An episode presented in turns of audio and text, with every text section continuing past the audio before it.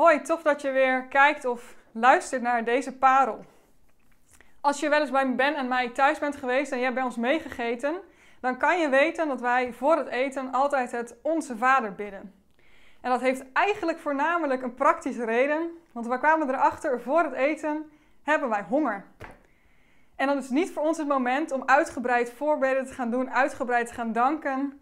Nee, we hebben op een gegeven moment gezegd: wij bidden voor het eten het Onze Vader en we nemen een ander moment om uitgebreid te bidden. Maar er zit ergens ook een klein gevaar in, want het Onze Vader dat is zo'n eeuwenoud gebed, wat wij als kind al geleerd hebben en wat dan soms gedachteloos zomaar met een woordenstroom uit je mond komt. Maar in de afgelopen tijd werd ik stilgezet bij één specifiek zinnetje uit dit eeuwenoude gebed.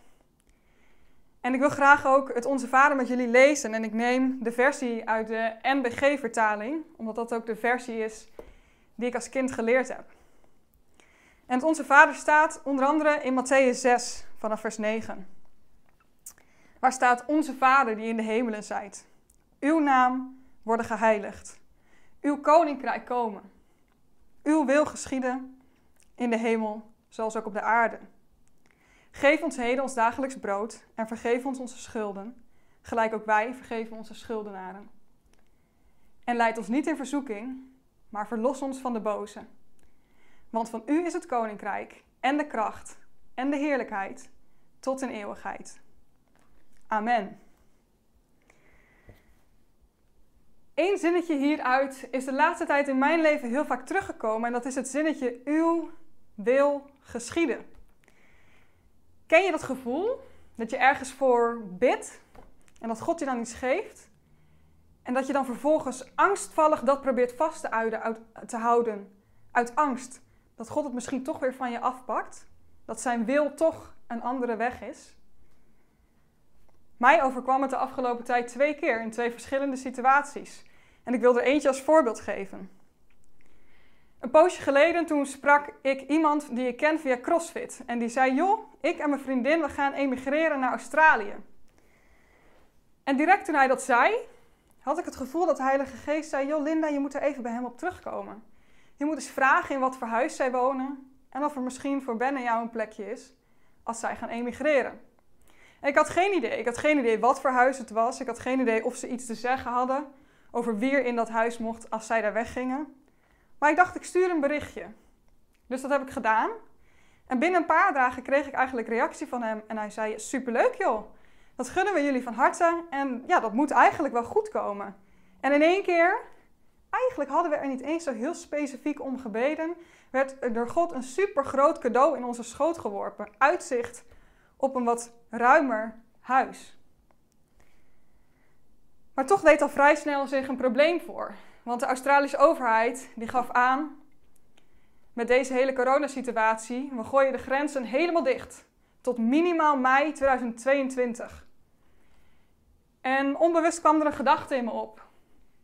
Zou God dit toch weer van ons afpakken? Was dit toch te makkelijk?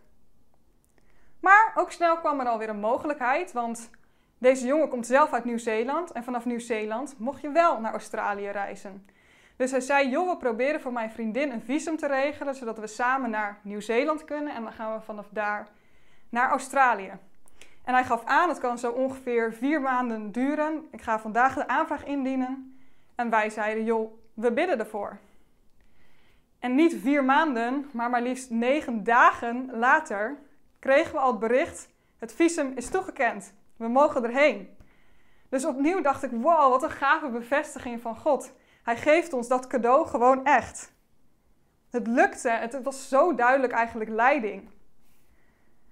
Tot drie weken geleden, toen er opnieuw een probleem ontstond.